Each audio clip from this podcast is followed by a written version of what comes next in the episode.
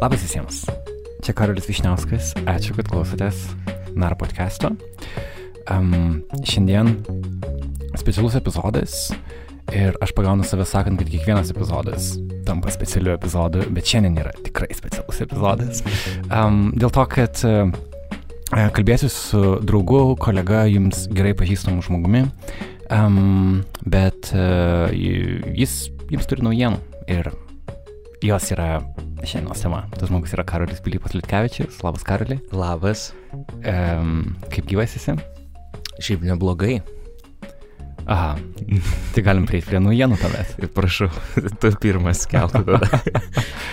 tai, um, žinia, yra ta, kad, um, na, truputis konteksto klausytojams yra tai, kad uh, žmonės ma matė Naroje tavo uh, puikias fotografijas, girdėjo tavo interviu, girdėjo tavo analizės, skaitė tavo tekstus, matė tavo video, tu darėjai skirtingiausius dalykus mhm. žurnalistikoje ir tu mums prieš kelis mėnesius komandai pranešiai, kad um, nori nuo to atsitraukti mhm. ir um, mums, žinoma, tai, tai buvo ir suprantama, kartu be abejo tai liūdna, bet aš pagalvojau, kad uh, kad šitas savo asmeninis pasirinkimas kartu sako kažką daugiau apie momentą, kuriame mes visi esam, tiek kaip žmonės, jauni žmonės dirbantys Lietuvoje, žurnalistikoje, visuomeninėse reikaluose ir bandantis kažką čia pasiekti.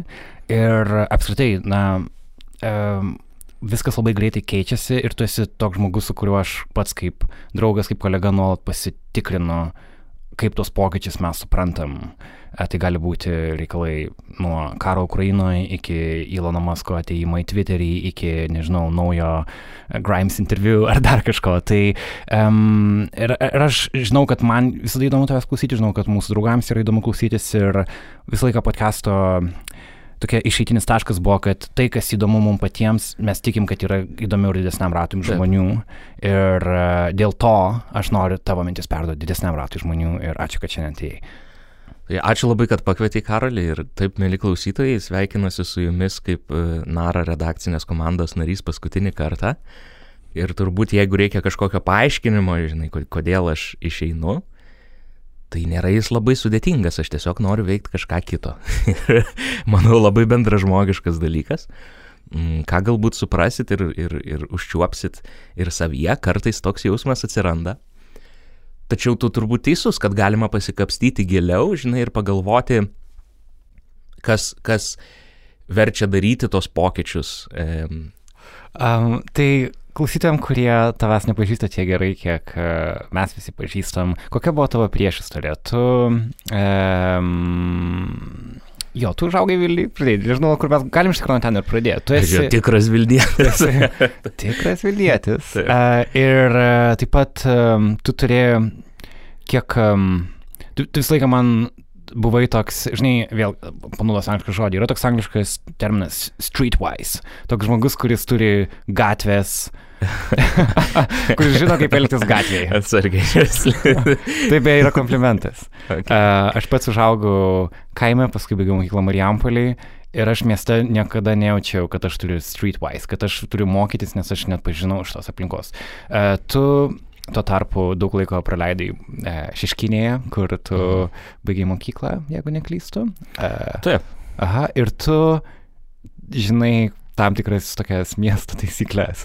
Ir galiausiai su tuo tu kažkaip nuėjai iki žurnalistikos, kas man atrodo kaip, nežinau, išplaukęs dalykas vienas iš kito. Tai, um, žinai, kad mes suprastumėm, kodėl tai netolyn, mums reikia suprasti, kaip tu atėjai į ten, iš kur tai išeini. Mm, čia intervencija. Gerai. tai jo, gal pradedam nuo tos uh, paauglystės šeškiniai. Tai vėlgi turbūt sunku generalizuoti visą rajoną, ar ne?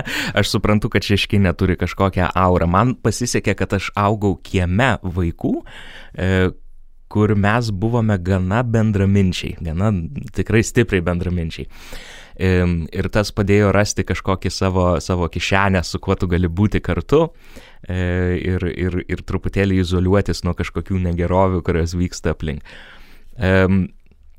Turbūt tas, tas buvimas ir augimas Vilniuje mane labiausiai palėtė tuo su, suvokimu apie miestą. Mhm. Ta prasme, tą, tą miestą aš pažindavau ne ekskursijų metu, bet pavyzdžiui, ten pabėgdamas iš pamokų ir e, pasiklyzdamas senamestyje.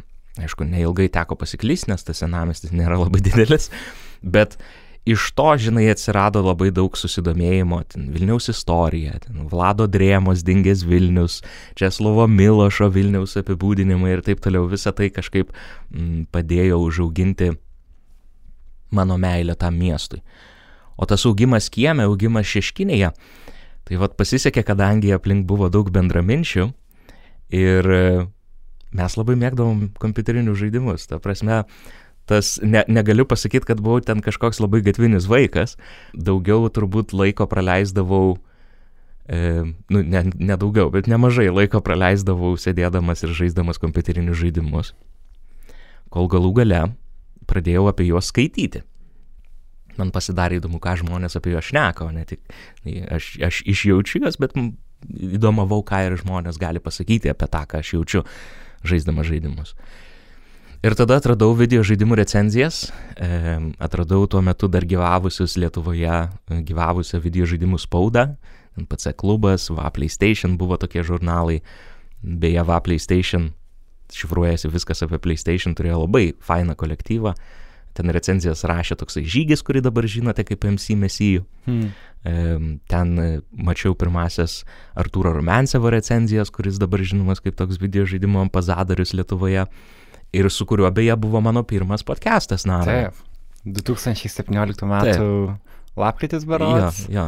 Taip. Taip. Ir, ir tas mane kažkaip atvedė į žurnalistiką. Aš pamačiau, kad vat, galima kalbėti apie tą, apie tą dalyką, kuris atrodo yra labai objektivus, nes jeigu mes kalbame apie žaidimų recenzijas, tai šalies gali atrodyti, okei, okay, tos recenzijos, jos sako, va, žaidimas veikia arba neveikia, sulūšta, arba ne, atrodo, kad tai labai objektivus dalykas, bet, bet net, ir, net ir tokiame medijume kaip video žaidimai, kuris labai technologinis, yra pakankamai subjektivumo, pakankamai meniškumo ir galbūt pamatydavau, atsimenu, toks žaidimas buvo Driver 3. Ok, šitą jeigu norėsi, galėsi iškirpti, nes aš čia galiu go off on a tangent. man, man labai įdomu. Driver, Taip. aš atsimenu šitą pavadinimą. Taip, buvo Taip. toks žaidimas Driver 3. Um, jisai gavo labai prastas recenzijas užsienio spaudoje, jisai ten cha, nu, labai chaotiškai e, sukurptas, nes jo tikslas buvo kovoti su, su GTA, kuris tuo metu išėjo. E, bet jisai turėjo labai įdomią atmosferą, jisai turėjo labai gerą muziką, į, į, jis turėjo labai didelį biudžetą ir jisai turėjo tokį kinematografiškumą, kuris e, truputėlį primindavo Michaelo Mano filmus kaip Heat. Ir aš atsimenu, aš skaičiau recenziją VA PlayStation žurnale, kuri nebuvo labai neigiama. Nu taip, ten pakritikuoti te techniniai dalykai, bet supratau, kad visai galima apie tą, apie tą žaidimą pa, pa, pakalbėti ir kitaip, ir atrasti gerų kažkokių taškų. Ir tai buvo tas momentas turbūt, kur supratau, kad, aha, galima apie žaidimus kalbėti ir šitaip. Žinai, jeigu e, ten Rotten Tomatoes ar IMDB filmas įvertintas ten 50 ar 60, koks nors Larso Vantriero melancholija, jis man vis tiek gali daug reikšti ir labai patikti. Ir tas mane sužavėjo, nes aš apie žaidimus visada, nu, taip pradžioje galvodavau kaip apie tokį techninį dalyką. Ir tas mane pritraukė į žurnalistiką, taip aš ir atėjau ir sugalvojau studijuoti žurnalistiką, nes viskas prasidėjo nuo, nuo video žaidimų recenzijų. Tai ar tu pasirašėjai? Taip, taip, taip, taip, buvo dar toks tinklalapis Games LT, aš ten turėjau vieną populiaresnių blogų, uh, Karlotiko blogą, rašiau ten recenzijas, rašiau ten įžvalgas apie žaidimus, po to, man atrodo, rašiau dar recenziją tokiame Dievo režime, mhm. kuris e, po to buvo, taip, ten žmonės iš jo padarė gaimoną ir panašiai, nu, ten ilga istorija, sudėtingesnė, bet, bet žodžiu, taip, taip, e, rašiau žaidimų recenzijas.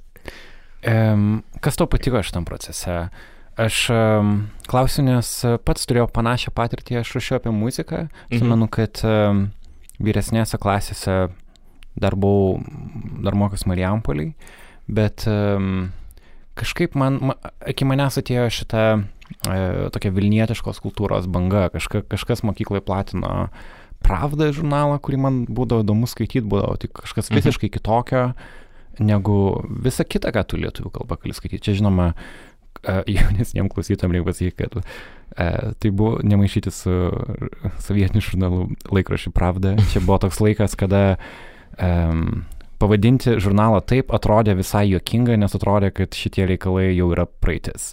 Dabar yra truputį kitas laikas.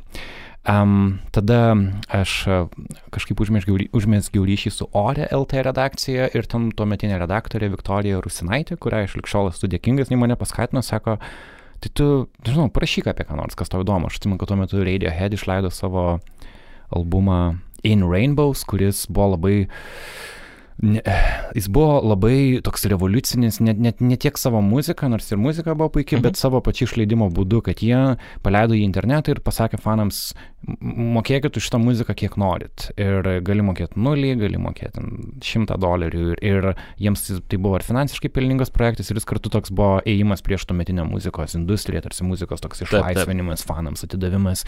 Tai aš atsimenu, parašiau apie tai tekstą, jisai buvo kažkaip gerai vertintas, tuo metu dar buvo tokie socialiniai tinklai, kaip pavyzdžiui, MURLT, kuris, kuris vertas atskiro podcastų ciklą, turbūt ten labai įdomi erdvė buvo. Man patikdavo dalintis mano tekstais tose e, pavyzdžiui, Mūrelte arba tam, net OneLT, dar kažkur ir gauti žmonių reakcijas. Aš tam dažnai grįžtu namo į savo kambarį, kur realiai nelabai turiu kažkokių bendraminčių. Um, tada, bet aš žinau, kad internete yra kažkoks kitas pasaulis, kažkokie žmonės, ai dar musical tai buvo, kur dalindavosi. Ir yra žmonės, kurie uh, nu, kad jie yra kažkur ten ir tu gali su jais bendrauti per tą savo kažkokį mm. intelektinį kūrinį, kaip muzikos recenziją. Tai tas mane varė į priekį, tas toksai susijungimo momentas, iš, išplėtimo tavo kambario ir naujų žmonių atradimas. Kas tave varė į priekį rašyti rašyti apie žaidimus?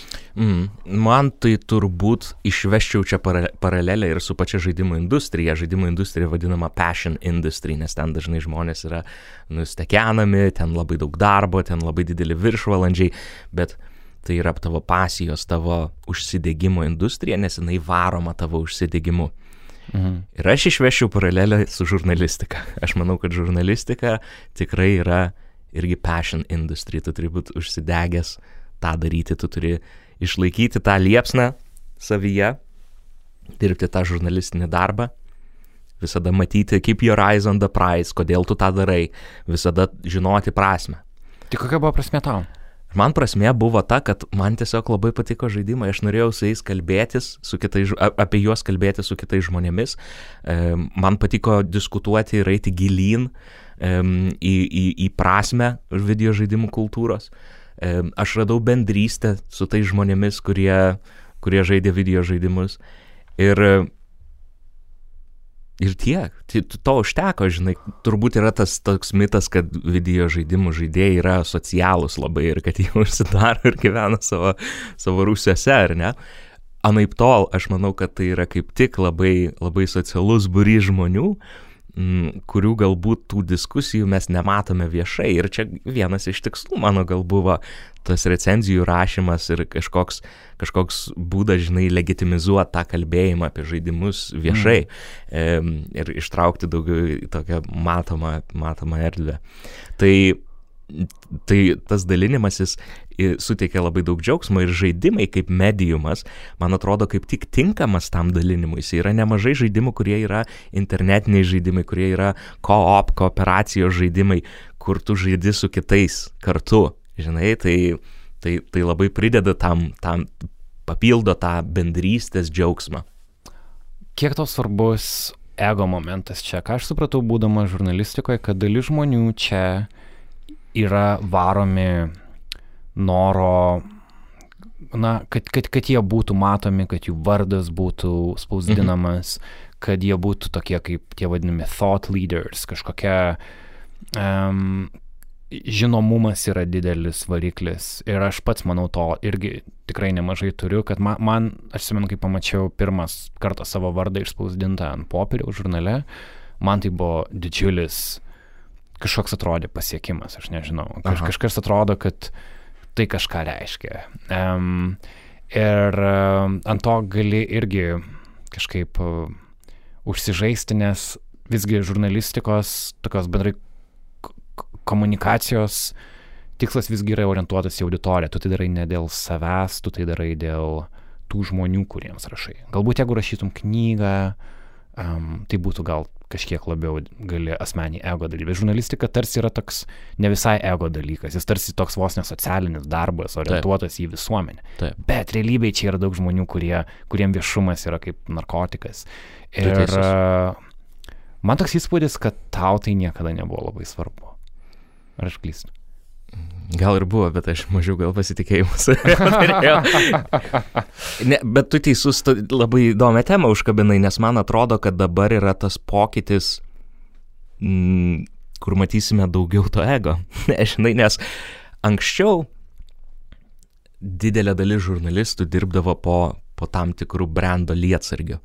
Ar ne, tu skaitydavai žurnalą, Veidas, The New York Times, ar ne, tu skaitydavai vardą daugiau pačio, pačios įstaigos, pačio leidėjo. Um, Economist netgi neturėdavo savo, man atrodo, prie, autorių prierašų. Likščiol neturi, jeigu aš neklystu. Tu maždaug paskaitai Economist ir tai yra Economist. Ir kas tam parašė kurį tekstą, nu, nesvarbu, taip, taip. nes visi turi būti kokybiški. Jo, atleisk, įsiterpti. Tai taip, bet dabar atrodo, kad viskas keičiasi.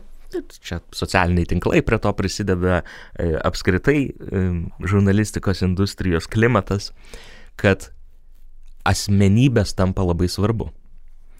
Ir žmonės dažniau renka, renkasi, vis dažniau matau, kad renkasi sekti tam tikrus žurnalistus, o ne tam tikrus leidinius. Ir tokioje situacijoje, manau, sunkiau kaip žmogui išbalansuoti tarp tos ego ir, ir socialinės misijos ribos.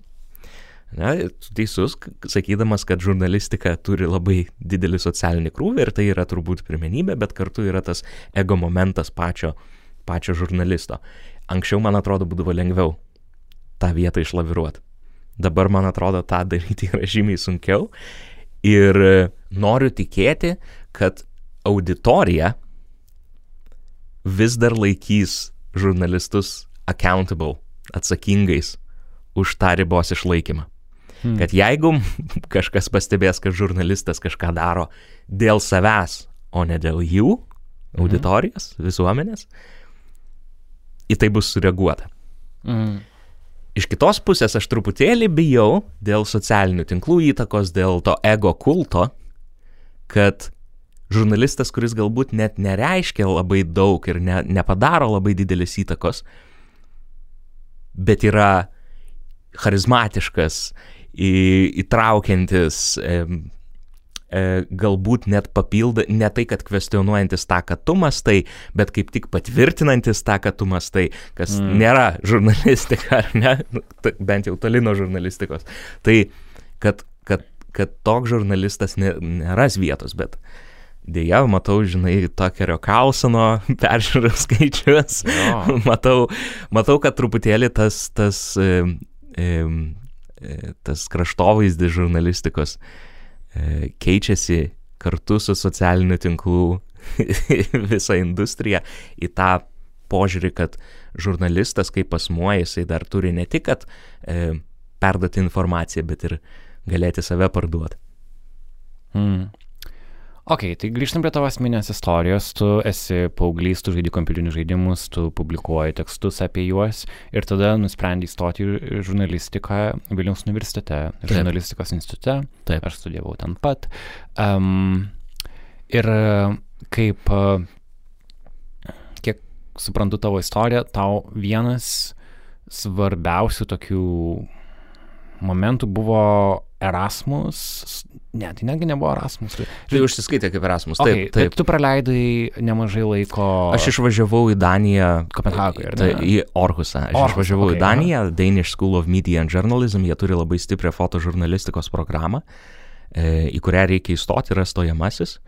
Ir tai gali užsiskaityti kaip Erasmusas, tu gauni tada Erasmuso stipendiją iš Vilniaus universiteto ir tu gali tą programą ten pabaigti. Tvarko, tai čia yra fotožurnalistika, tai čia jau nebėra rašymas, tai jau nebėra kompiuteriniai žaidimai. Mhm. Tu kažkuriuo metu perėjai į vaizdo sritį, tiek fotografija. Vaizdo žaidimai. tiek fotografija, tiek video ir Taip. man norisi suprasti šitą, šitą pokytį ir kaip Danijos mokykla tą to padėjo tame pražys. Mhm. Tai sėdėdamas tose namuose šeškinėje, aš ne tik video žaidimus žaidžiau, žinai, aš žiūrėjau ir serialus, aš žiūrėjau kiną, aš visą tą IMDB top 250 filmų sąrašą sugebėjau per metus pražiūrėti. Rimtai? Taip. Aš turėjau net sąrašą filmų, kuriuos mačiau ir aš jau pamečiau tą sąrašą, bet būtų įdomu jį atrasti, nes ten 600 turbūt filmų, tai, tai irgi yra didelė dalis manęs. Uh, ir ta vizualinė kultūra, ta, ta, ta, ta kinematografinė kultūra, man tai visada kažkaip rūpėjo. Būdavo šalia žaidimų visuomet. Ir galiausiai, studijuodama žurnalistiką Vilniaus universitete, sėdėjau kažkuriu, kažkuriuo metu ir prisiminiau, ką sakė mano kažkuri mokytoja mokykloje. Jis sakė, oi vaikai, kai išvažiuosit studijuot, patys gražiausi metai gyvenimo, pats geriausias momentas, studijos, kaip faina, akademinė bendruomenė. Labai gera. Aš sėdžiu ir aš galvoju, nu blem, nu ne tas, nu kažkaip nėra man labai čia įdomu ir nėra man čia labai faina. Ir pradėjau ieškoti kažkokių išeičių. E, ir galų galėtų išeičių tu pradėjai ieškoti per autoritetus, per žmonės, kurie kažką e, yra pasiekę ir įkvepia savo darbu. Ir tuo metu e, mums dėstė Romas Akadolskis. Jis buvo Amerikos balsas, išvažiavęs iš Lietuvos, nelabai galiu jo pėdomis pasiekti, ne tas istorinis kontekstas, ar ne? Tada Aurelijus Katkevičius, verslo klasės redaktorius. Um, mačiau jo tą, tą, tą užsidėgymą kovoti amžiną kovą už teisybę, bet gal tas atrodė truputėlį varginančiai, Ir tada buvo Berta, Berta Tilmantaitė, kuri mums dėstė fotožurnalistiką. Ir jinai buvo prieš tai vienintelė lietuvė, kuri įstojusi buvo į tą pačią Danish School mm. of Media and Journalism studijuoti fotožurnalistiką. Ir aš sėdėjau ir galvojau, hm, turbūt reikėtų jos pėdomis pasiekti. tai taip ir padariau. Aha. Um, Ir ką ten pamatėjai? Ką, kas, ką pamatėjai Danijai? Nu, visų pirma, tai e, tiesiog yra kitas, kitas santykis e, su, su mokslo, toks, kuris e, sukelia norą mokytis. um, Papasakok daugiau, kas, kas į tai, kokie komponentai į tai eina. Mūsų kurse buvo mažai žmonių, septyni žmonės, skirtingų amžių kategorijų, bet tai visai netrukdė. Uh, buvo labai daug šnekėjimosi tarpusavyje, labai daug teorijos nagrinėjimo ir tada labai labai daug praktikos, kurios metu tave nuolatos palaiko dėstytojai, tau paskambina, paklausia, kaip sekasi.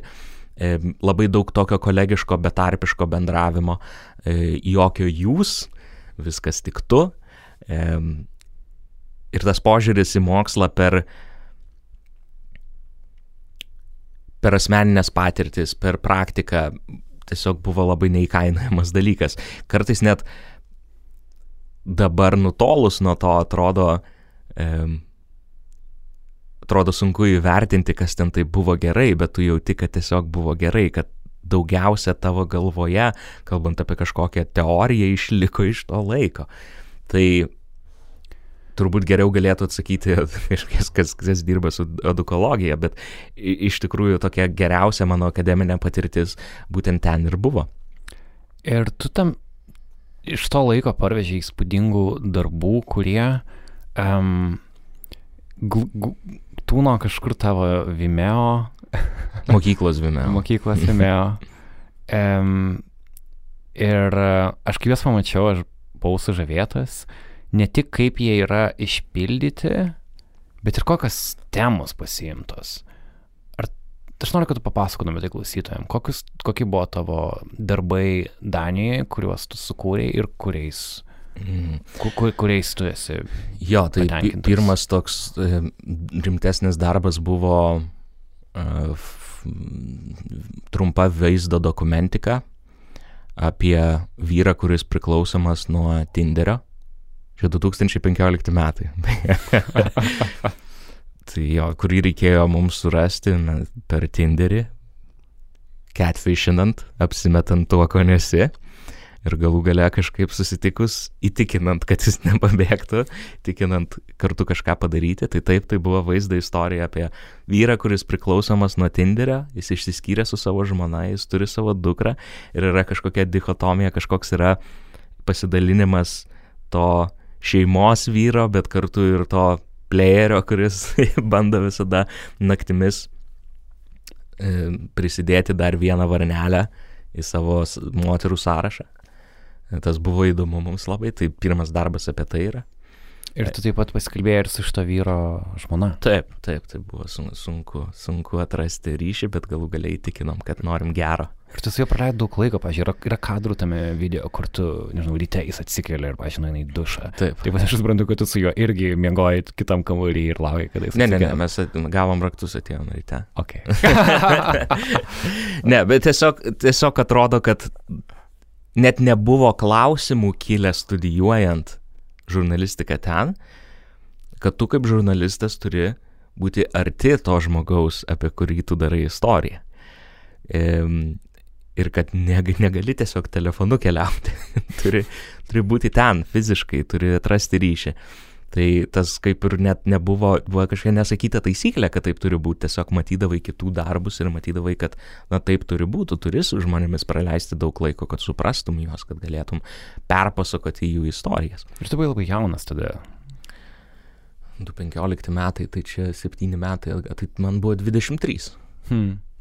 Jo, tiesiog sužavėjo to, to video branda ir toks kompleksiškumas, kad tas vyras parodytas taip viena vertus kaip, um, kaip ir sakai, toks uh, kažkoks medžiotojas, moterų medžiotojas, mhm. kartu jisai labai kažkaip argumentavo, kodėl tai daro ir kažkokį tarsi jautrumą turi ir tu tada žiūri ir tu lyg ir nori ir supras, bet ir truputį kaip ir ne, ir toks lieki toks, kaip, nu, kažkoks pasimetęs, ką aš čia dabar pamačiau, bet turbūt toks ir užmanimas buvo.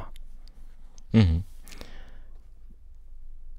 Dažnai prieš, prieš rašant ir kuriant kažką žurnalistinio, verta yra susisiaurinti temą iki ten šešių žodžių, iki vieno žodžio galų gale, apie ką tai yra. E, tai ta istorija yra apie meilę. Jis turi mm. skirtingų labai perspektyvų ir taip toliau, bet tai yra iš esmės istorija apie meilę.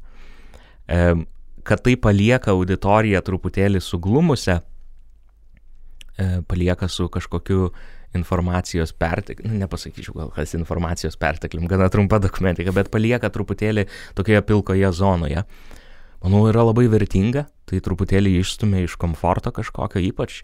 Manau, kad to dalyko, tokio pasakojimo vertė yra šiais laikais, kada mes kaip tik ieškome kažko, kas patvirtintų mūsų mąstyseną, nes labai daug ko, to, kas vyksta aplink, jau yra išstumintis dalykai iš komforto zonos ir galų gale ieškom to komforto savo galvoje, vartodami kažką, kas, kas, kas, kas yra tiesiog pagalbė, bet, bet ne, nekvestionuoja to, ką tu, ką tu mastai. Tai manau, tas labai vertinga. Ir taip, tai turbūt ir buvo tas užmanimas, kaip tu sakai, sukurti jautrumą tam žmogui, sukurti kažkokį, sukurti kažkokį tiltą padedantį jį suprasti. Mm. Sukurti tarsi jautrumą žmogui, kurį, kuriam tu natūraliai nebūtinai turėtum tą jautrumą. Mhm. E, ir pa, kitos tavo istorijos tarsi atkartojo šią temą. Šiek tiek gali papasakoti apie kitus darbus, kuriuos uh, Danijoje padarai.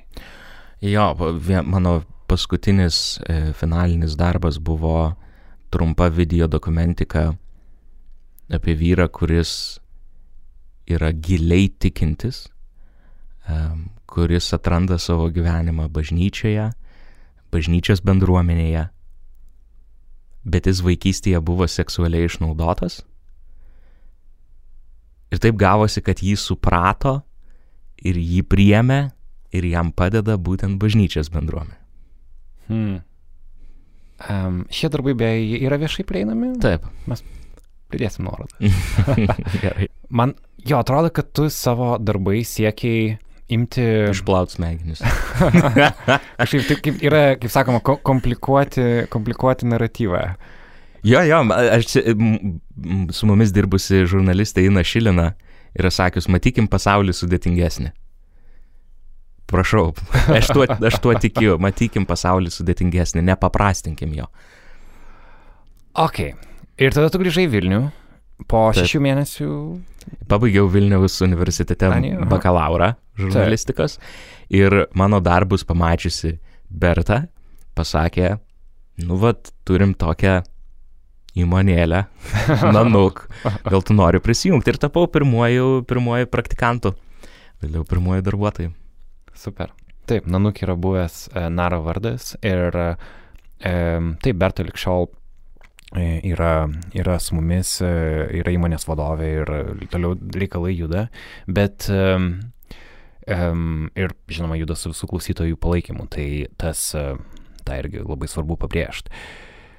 Bet dabar, taip sakant, fast forward į 2023 pavasarį, tiksliau gal netgi 22 daugmaž, e, nežinau, rudenį. Ir ka ka kažkuriuo metu tu supratai, kad ta energija, kurią tu turėjai, tada kažkur, kažkur jinai dingo. Kad ir jo, papasakok, kas įvyko ir kokias pamokas išmokai, ką, ką galim perduoti klausytojams.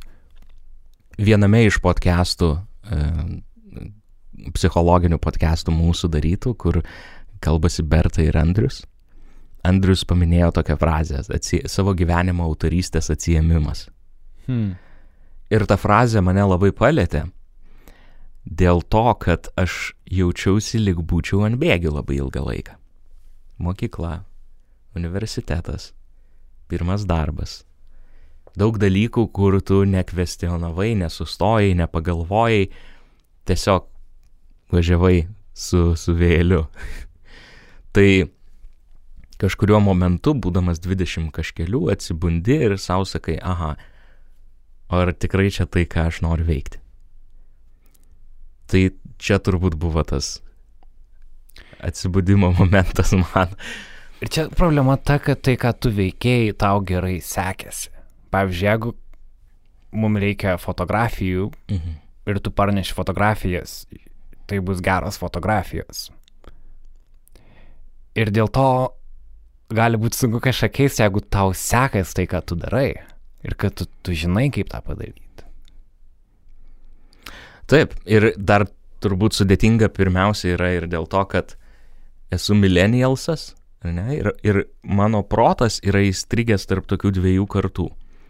Yra Gen X, kurie ilgai darbų nekeičia, darbo keitimas katastrofa, griūtis kažkokia, tai nu, kelia kažkokį nerimą, ir Gen Z, kur tas darbo keitimas, nu, gali būti pohuistus, pohuistų tuo, tuo klausimu. Tai tas protas toks įstrigęs tarp šitų dviejų kartų ir tu nuolatos viduje kovoji su tuo, ar ne? Ar aš čia galiu taip daryti, ar aš čia negaliu taip daryti. Čia yra pirmas lygmuo. Primeni Gen Z terminą quiet quitting? Taip, Quiet, ne. Tai va aš to labai norėjau Nes išvengti. Quiet quitting yra, kada tu oficialiai turi darbą ir tarsi gauni pinigus, bet Taip. realiai darai viską, kad kuo mažiau dirbtum. Jo, tai manau, kad čia irgi yra savotiškas vėžys, žinai, tas, jeigu tu tai darai, bet jo, more power to the people who do that. Bet e, tai čia tas pirmas ligmuo ir yra tas antras ligmuo, kaip kur tu minėjai, žinai, kur tada atsisėdi ir pagalvoji, okei, okay, bet man visai patinka fotografuoti. Ne? O bet man gal visai patinka ten kažką įgarsinti ir kalbėti į mikrofoną. O gal visai būtų gerai ir ten kažką parašyti daugiau. Bėda turbūt gal yra tame, kad dirbdama žurnalistinį darbą šiais laikais, ypač nepriklausomoje žiniasklaidos platformoje, tu tampi tokiu multiinstrumentalistu.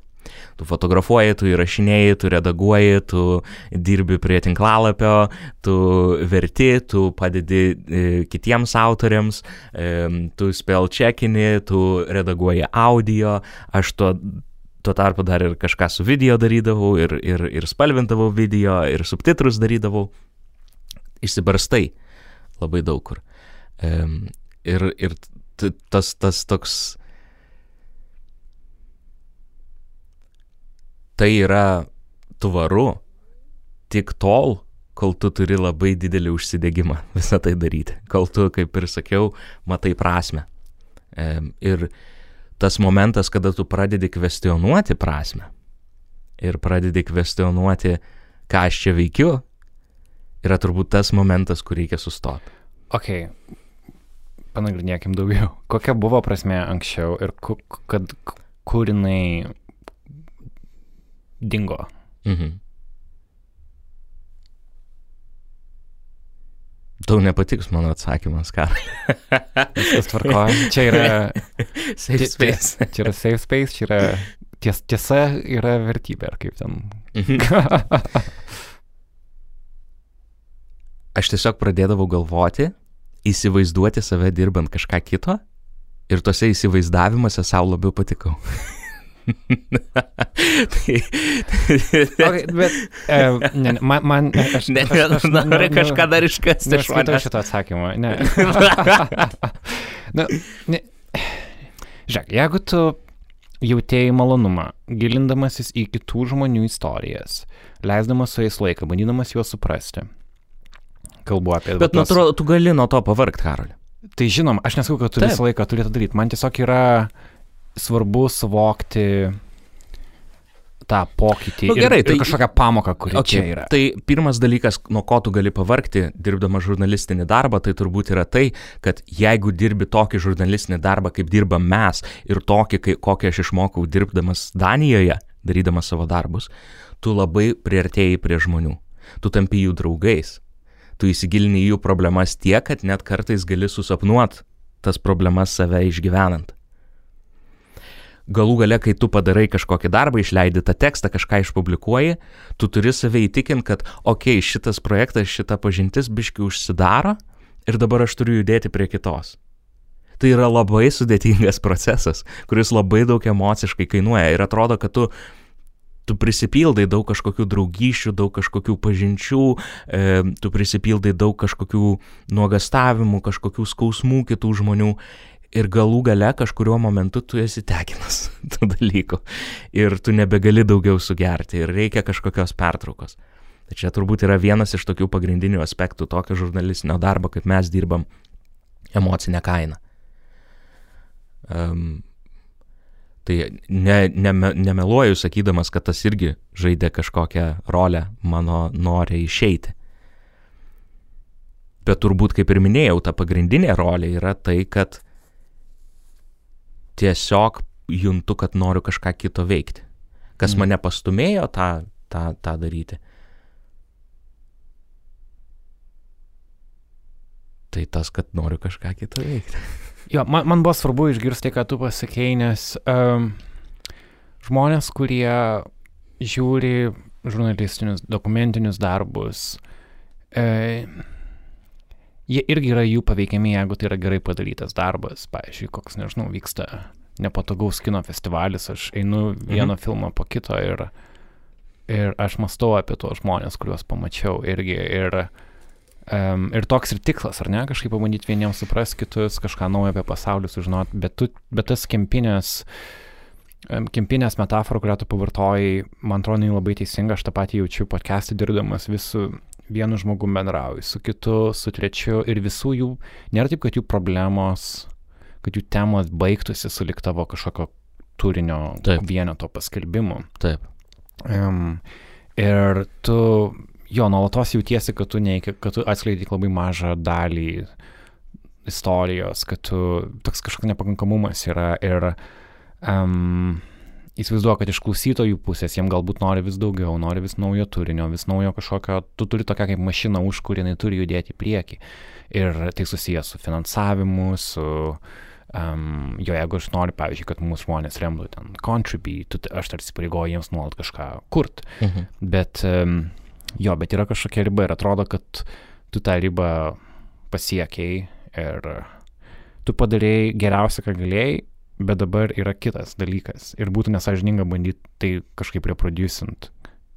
Jo, tai nesažininga ir prieš save, nes apskritai, jeigu tu nori būti gerų žurnalistų ir net tas dažnai kartojama, turi būti empatiškas. Nebūk kuo labiau empatiškas. Bet tai turi kainą.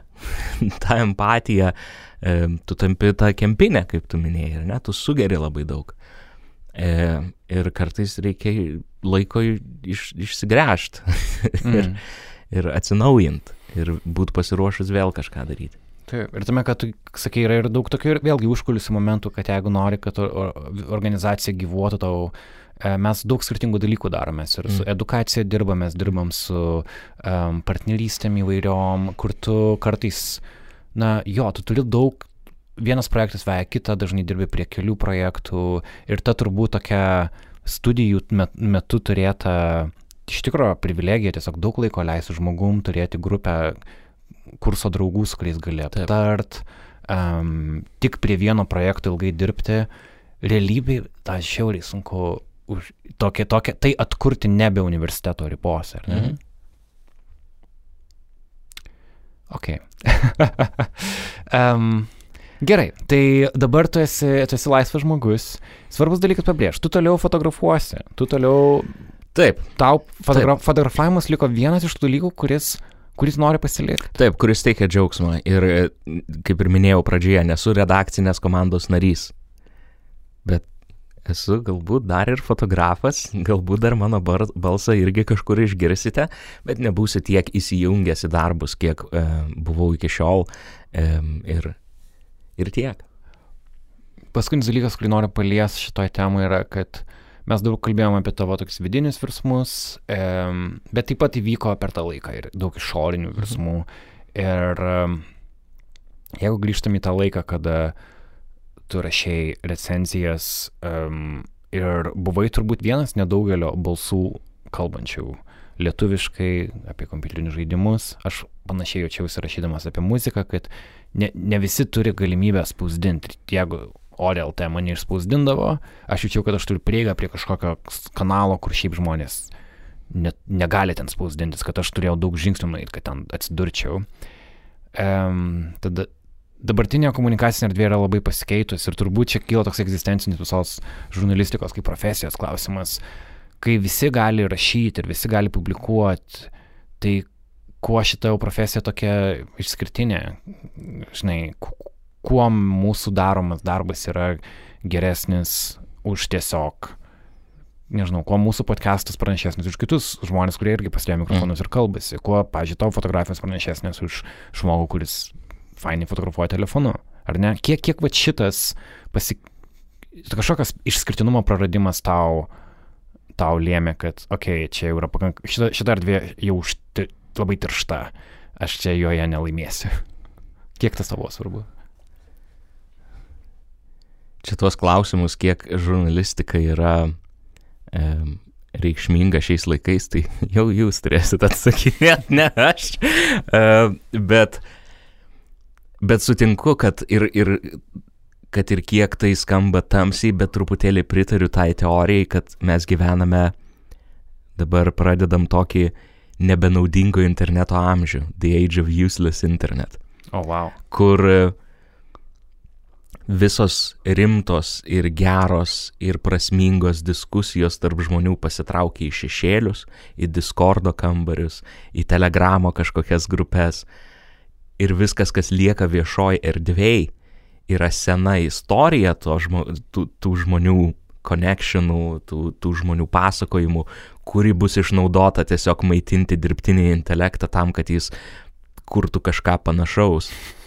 Bet tikriausiai panašaus tik tam, kad tu paspaustum ir tau, tau būtų kažkas parduodama ir reklamuojama. Ir sutinku, kad tokiame laike, laike galima labai lengvai pradėti kvestionuoti savo, savo reikšmę. Ir čia turbūt tas, tas, tas fotožurnalistikos etapas man patinka, nes aš, aš apeinu tą, tą visą mėšlą ir, žinai, aš susitinku su žmogum akis į akį. Aš su juo bendrauju, aš jį fotografuoju, jisai pamato mano nuotraukas. Tame mūsų santykyje nedalyvauja E, ta, ta negerovė visos medijos realybės. Jo. Tai ką tu veiksi toliau? E, galiu pasakyti, kad veiksiu tai, kas susijęs su mano pomėgiais. Ką aš pasakyčiau, kad tai yra mano pomėgiai. tai nėra atsakymas. ne, karalė. Ne, karalė. Uh, jo, plus tu ir ne, gal tu ir nežinai, ką, arba nežinau, turi kažkokias mintis, bet gal dar nepasiruošęs paskelbti. Bet taip. tiesiog, kur tavo mintis, kuo tu domiesi dabar? Aš turbūt kaip ir daugelis domiuosi geopolitika, labai daug kas tapo geopolitikais šiais laikais.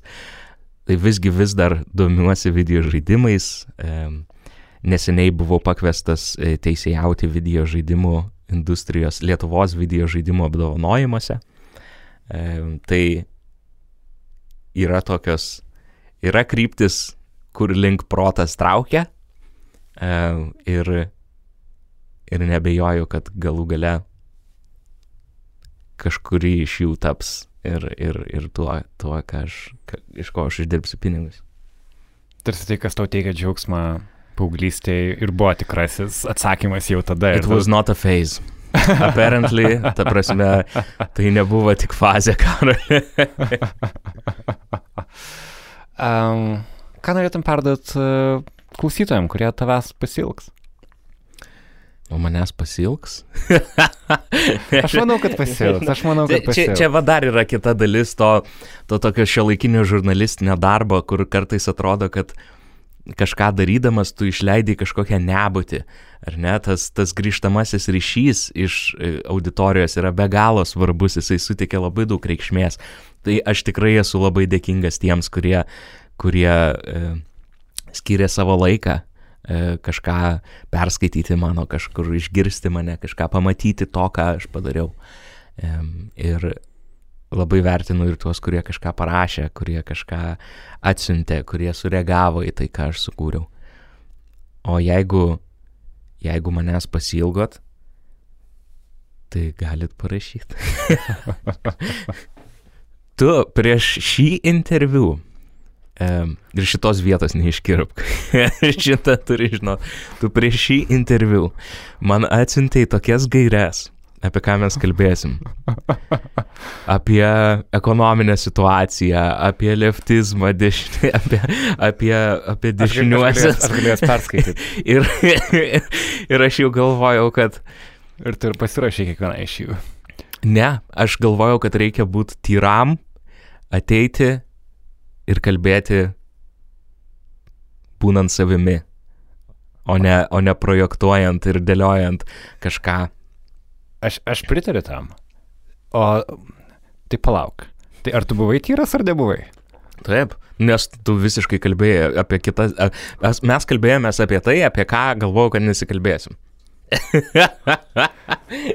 um, Kas ir gerai, man tai visai patiko. man irgi.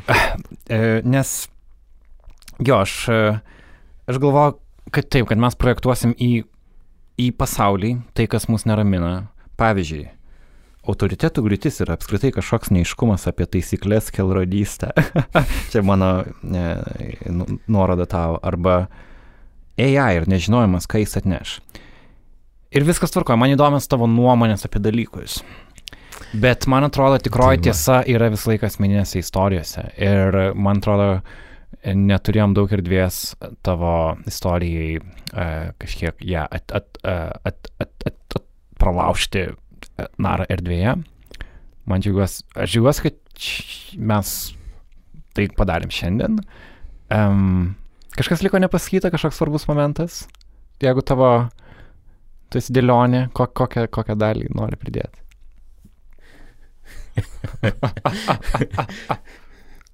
Tau nepatiks mano atsakymas, ką. Aha, pirmin. Aš jau tiek tos dėlionės parodžiau ir atidaviau savo darbu, savo bendravimu su tavimi dabar, kad jau kažką gal ir savo pasiliksiu. Gal palikit mane ramybėje. uh, ačiū tau, Karoliui. Nėra už ką, smagu buvo. Sėkmės didžiausias tau, aš, aš, e, aš tikrai linkiu tau sėkmės. Aš tau tikrai linkiu sėkmės, karaliui irgi. Galų gale nebebus, e, nebereikės galvoti, kuris čia karolis. Nes kartais ateidavo man laiškai, kurie tau turėjo būti adresuoti. ar tai buvo tikroji priežastis, ar aš tiesiog atėmiau iš tavęs karolį? Vienintelį karolį Nanuk. Ir tu Gerai, nenorėjai kad... būti. Ačiū, ačiū tėvams, kad man davė antrą vardą. ok, Pilypai, e, susitiksime krepšinio aikštelėje. Taip. Iki. Iki.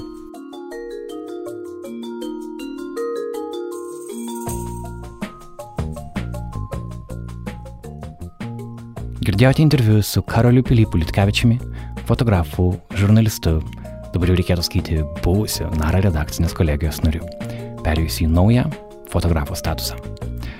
Su juo kalbėjausi aš, Karolis Višniauskas. Nuorodas į epizode aptartus Karlio darbus mes pridėsime tinklalapyje Nara.lt, raskite ten visą papildomą informaciją, taip pat fotografijas.